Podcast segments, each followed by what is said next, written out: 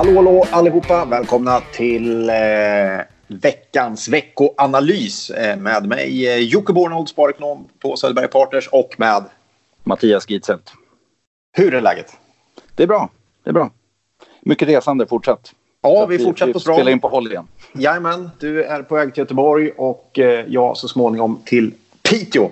Eh, fullt med kundträffar och annat. Och det är ju skoj förstås. Eh, men det händer ganska mycket i marknaden också. Eh, och jag tycker vi eh, hoppar rakt in i det. Eller?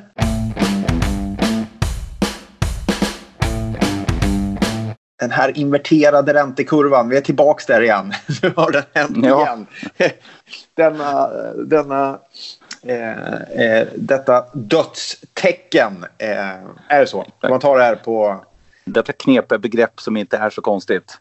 Nej. Eh, men det det är är ju att å, i och med att räntorna återigen har fallit på all oro som har varit med handelskriget, det som har eskalerat.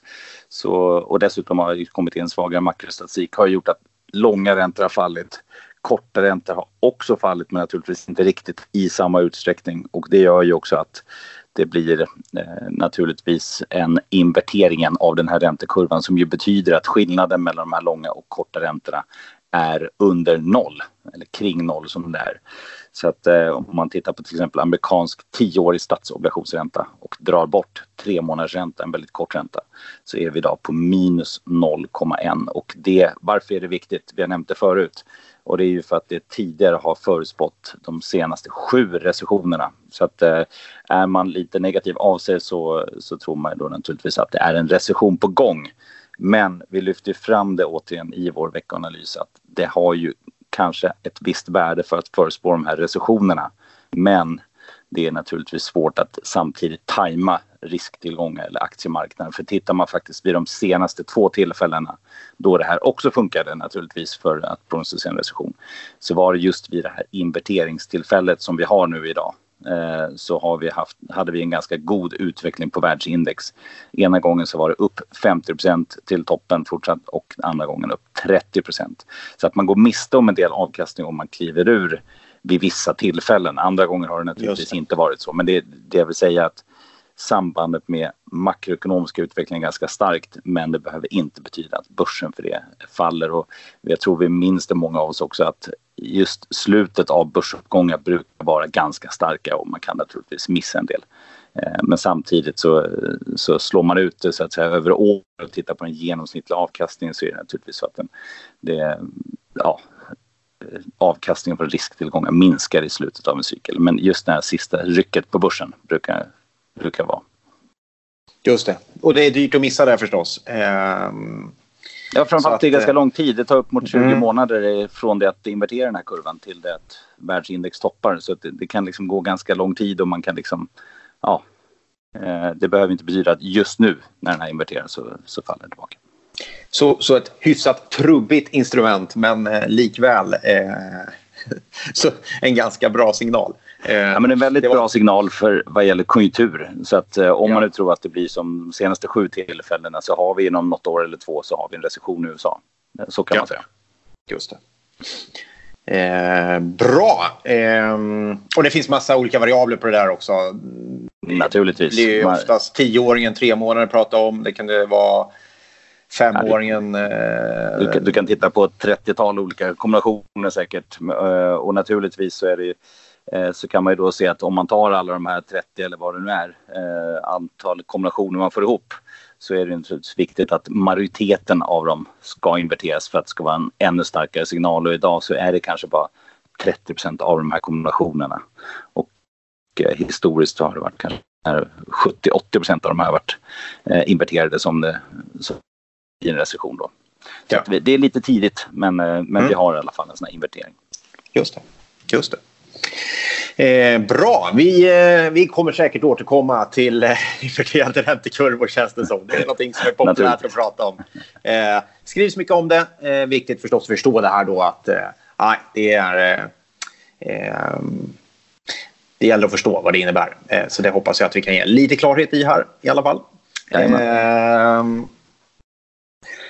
Aktiemarknaden, ska vi ta den? Eh, ja. Den har det ju minst sagt tungt. 10 sen toppen. Eh, gick ju urstarkt här under vintern men har ju tappat en hel del. Kanske naturligt. Handelskonflikt, konjunktur.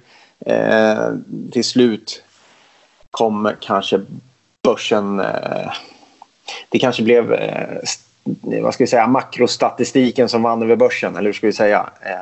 Ja, lite så, så hade vi väl kanske en väl stor frikoppling från makro till börsen ett tag här och det har väl, håller väl på att justeras lite grann. Och det man ska ha med sig lite grann, även om det känns som det är upp ordentligt i år med uppgångar, i alla fall i svenska kronor mätt på 15-20 procent på många marknader, så är det så om man tittar på världsindex, aktieindex globalt under senaste 12 månaderna, alltså sista året, så är det fortfarande i lokal valuta en nedgång.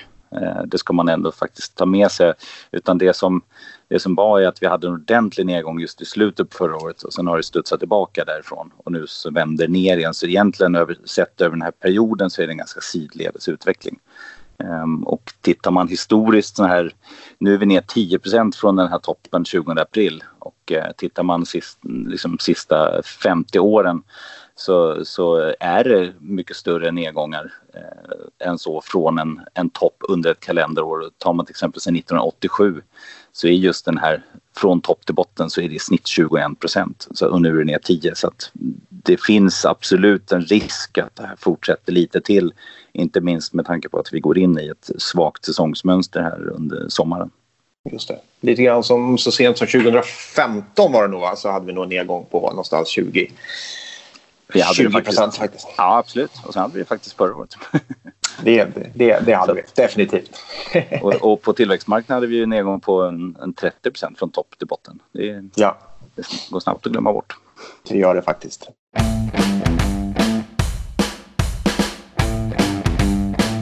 Ja, vad ska vi säga om eh, tullar i Mexiko? Eh, verkar... Eh, vi får se vad det blir av det. Trump hotar om det. Eh, Redan 10 juni ska det vara eh, på 5% men man säger att man ska höja det till 25 eh, om man inte eh, helt enkelt eh, når en lösning kring eh, migrationsfrågan kring gränsen där. Vad ska vi tro om det där? Är det en bluff eller är det verklighet? Det är ju naturligtvis lite populistiskt. Det är väldigt svårt att koppla just tullar till eh, till immigration eller till illegala migranter. Det är, det är svårt att stoppa det genom att säga att man inför importtullar. Men, men naturligtvis så ja. det är ju, det är, det är, det är en, en, signal naturligtvis om vad man vill uppnå och sen så är det väl precis som med, med tullar mot Kina på samma sätt att det initialt kanske skulle kunna gynna USA eh, så är det ju tyvärr på sikt lite dåligt för amerikansk slutkonsument. Det ju, landar ju oftast i att det, det snarare blir högre priser och eh, Mexiko är ju USAs näst största importland och det är naturligtvis ett ganska stort belopp det handlar om. Så att eh, risken att det här slår rätt så hårt och tittar vi förra veckan så följer just amerikanska biltillverkare ganska ordentligt på den här nyheten och faktiskt även en del svenska bolag med, med verksamhet i Mexiko drabbades också av det här. Sen får vi se. Det här, vi vet ju hur det funkar. Det kan mycket väl förskjutas igen och så vidare. Eh, om man ser att det här påverkar börsen för mycket. Ja. Electrolux Autoliv eh, tog förstås mycket stryk på det här. Eh, de föll 5 respektive 7 under veckan. Eh, och det är på grund av att de tillverkar förstås mycket i Mexiko och säljer i USA. Eh, vi får se hur det går. Eh, någonting man kan ta med sig därifrån som eh, drabbar eh, amerikanska konsumenter, ja det är ju elektronik eh, av allt slag. Till exempel tv-apparater, datorer, eh, ja, hushållselektronik och så vidare. Dels har vi de här Kina-tullarna om de läggs på. Eh, men om det här skulle bli 25% också på, eh, på Mexiko så nej, det kommer ju bli en ganska sannolikt eh, ganska kraftiga eh, prisstegringar där. Eh, vi får se om det skulle bli under hösten i sådana fall. Då. Men det skulle kunna dra igång inflationen eh, lite till. Ehm, men eh, det återstår väl att se om det där kanske kanske bara en bluff. Han har ju sagt eh, tidigare att han skulle stänga, stänga gränsen och så vidare. Men det har inte blivit av. Så vi, vi, vi får se. Nej, och sen är det ju det som är lite intressant tycker jag också är att faktiskt börsen börjar inte prisa in det på något sätt men ändå man ser vissa rotationer. Um, förut så var det ju liksom ja, tekniksektorn var ju lite untouchable här under de senaste 5-10 åren. Det har ju liksom oavsett eh, regleringsrisk och annat så har ju liksom tekniksektorn gått extremt bra i USA under läng längre tid.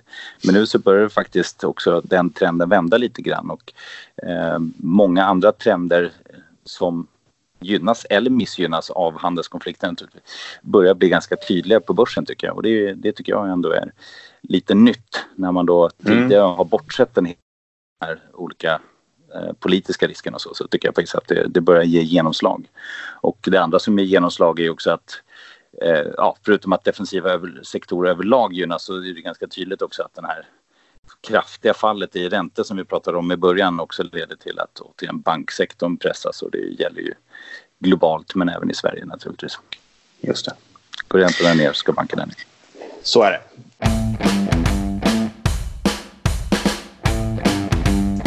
Förra veckans viktiga makrohändelse. Eh, vi pratade lite om konsumentförtroendet tror jag förra veckan. Hur, mm. hur gick det? Jo, eh, det gick väl ganska bra i USA och mindre bra i Sverige om man bara sammanfattar. Mm. sammanfattar. Eh, I USA så kom ju den här conference board-mätningen som är den större och eh, den visar på ett fortsatt väldigt starkt konsumentförtroende och eh, visar också att det inte har påverkats av handelskonflikterna. Nu vet jag inte riktigt när den här mätningen gjordes. Eh, det är ju naturligtvis så att den här mätningen påverkas ju rätt mycket av börshumöret och naturligtvis med det fallet som har varit sista veckorna så, så kan det naturligtvis vara att den här påverkas i nästa mätning istället. Men eh, signalen är bra och ser man på delkomponenterna det är ju både aktuell situation, det är förväntningar om framtiden, eh, notera en bra utveckling och sen finns det en delkomponent som också tittar på eh, ja, kring arbetsmarknaden. Man frågar om det finns mycket jobb ute och den eh, når ju ny cykelhögsta. Så att den är på högsta nivån här sen år 2000. Så att riktigt ja. hög nivå på den också. Tittar man på Sverige dock, då är det ju här som en del av KI-barometern, här konsumentförtroendesiffran eller ja, vad man ska kalla den. Och eh, den eh, komponenten följer faktiskt till en nivå kring historiskt snitt från att ha varit över historiskt snitt och faktiskt även tillverkningssektorns del i det här var mindre optimistiskt än tidigare. Eh, däremot så kom det ju tillväxtdata i Sverige och den var ju faktiskt lite bättre än väntat. Så det, det är blandade signaler men det, det har ju varit egentligen under hela inledningen av året. Eh, sentimentsdata eller humörsdata som har varit lite svagare och faktiskt statistik som har hållit upp något, något, något bättre då. Just det. Just Den här veckan då? Vad ska vi kika på då? Eh, svenskt inköpschefsindex. Det har redan kommit. Ja, det kommer på morgonen. Tack. Vad kan man säga om det då? Det var ju eh, rätt så positivt, eller hur? Det var lite bättre, landade på 53,1 och eh, ja, det är lite bättre och det är ju återigen den här krondopade tillverkningssektorn som håller upp ganska väl. Mm. Ehm, så att eh, ja, eh, absolut bra och eh, det som kommer också idag är ju detaljhandelsförsäljningen och sen kommer industriproduktionen senare i veckan så får vi se hur det är om det håller ihop och svensk tillväxt ska stärkas. Vi såg en initial kronförstärkning på den här siffran i morse men det är fortfarande runt 10,60 på euron så att, fortsatt svagt. Mm. Och sen har vi i USA då har vi också inköpschefsindex och eh, det kommer lite senare idag. Och det här är ju naturligtvis, det kommer för tillverkningssektorn idag eh, och sen kommer det senare i veckan på tjänstesektorn och eh, de väntas faktiskt vara ganska oförändrade på en i och för sig expansionsnivå men som bekräftar att det har varit en fallande trend under det senaste året egentligen. Eh, och sen har vi i USA då också sysselsättningsstatistik på fredag och den väntas väl inte riktigt vara lika stark som föregående mäte men absolut eh, bra och inte minst med tanke på den här konsumentförtroendemätningens delkomponent som jag pratade om nyss eh, som höll upp så, så lär vi inte se några större negativa överraskningar där. Så egentligen eh, statistik som är okej okay, faktiskt. Eh, mm. eh, och därmed, därmed kanske en viss stabilisering efter en tydlig nedtrend. Just det. Känner man att eh, fallande räntor gör att fastighetssektorn är intressant igen så kan man ju börja handla John Mattsson eh, på börsen eh, kommer gå in på onsdag. Eh, anmälningstiden avslutas eh, måndag, så det var för sent för den när ni lyssnar på det här. Men på onsdag kan man börja handla den. Då börsnoteras den om allt går som det ska. Eh, vi har Claes Olsson kommer rapport på onsdag också. Sen är det stängt på torsdag för då är det mm, Sveriges nationaldag.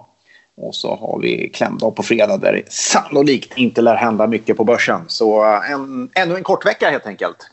Jajamän, och många andra börser som har stängt lite till och från. Köpenhamnsbörsen på onsdag och Kinabörsen på fredag. Och det, ja, det är mycket stängt helt enkelt. Mycket stängt helt enkelt. Men eh, det hindrar inte oss från att ha en eh, ny podd eh, nästa vecka. Jag tror vi nöjer oss här Mattias. Ha det gött i Göteborg så ska jag åka upp till Piteå. Vi hörs nästa vecka. Ha det bra allihopa. Ha det bra.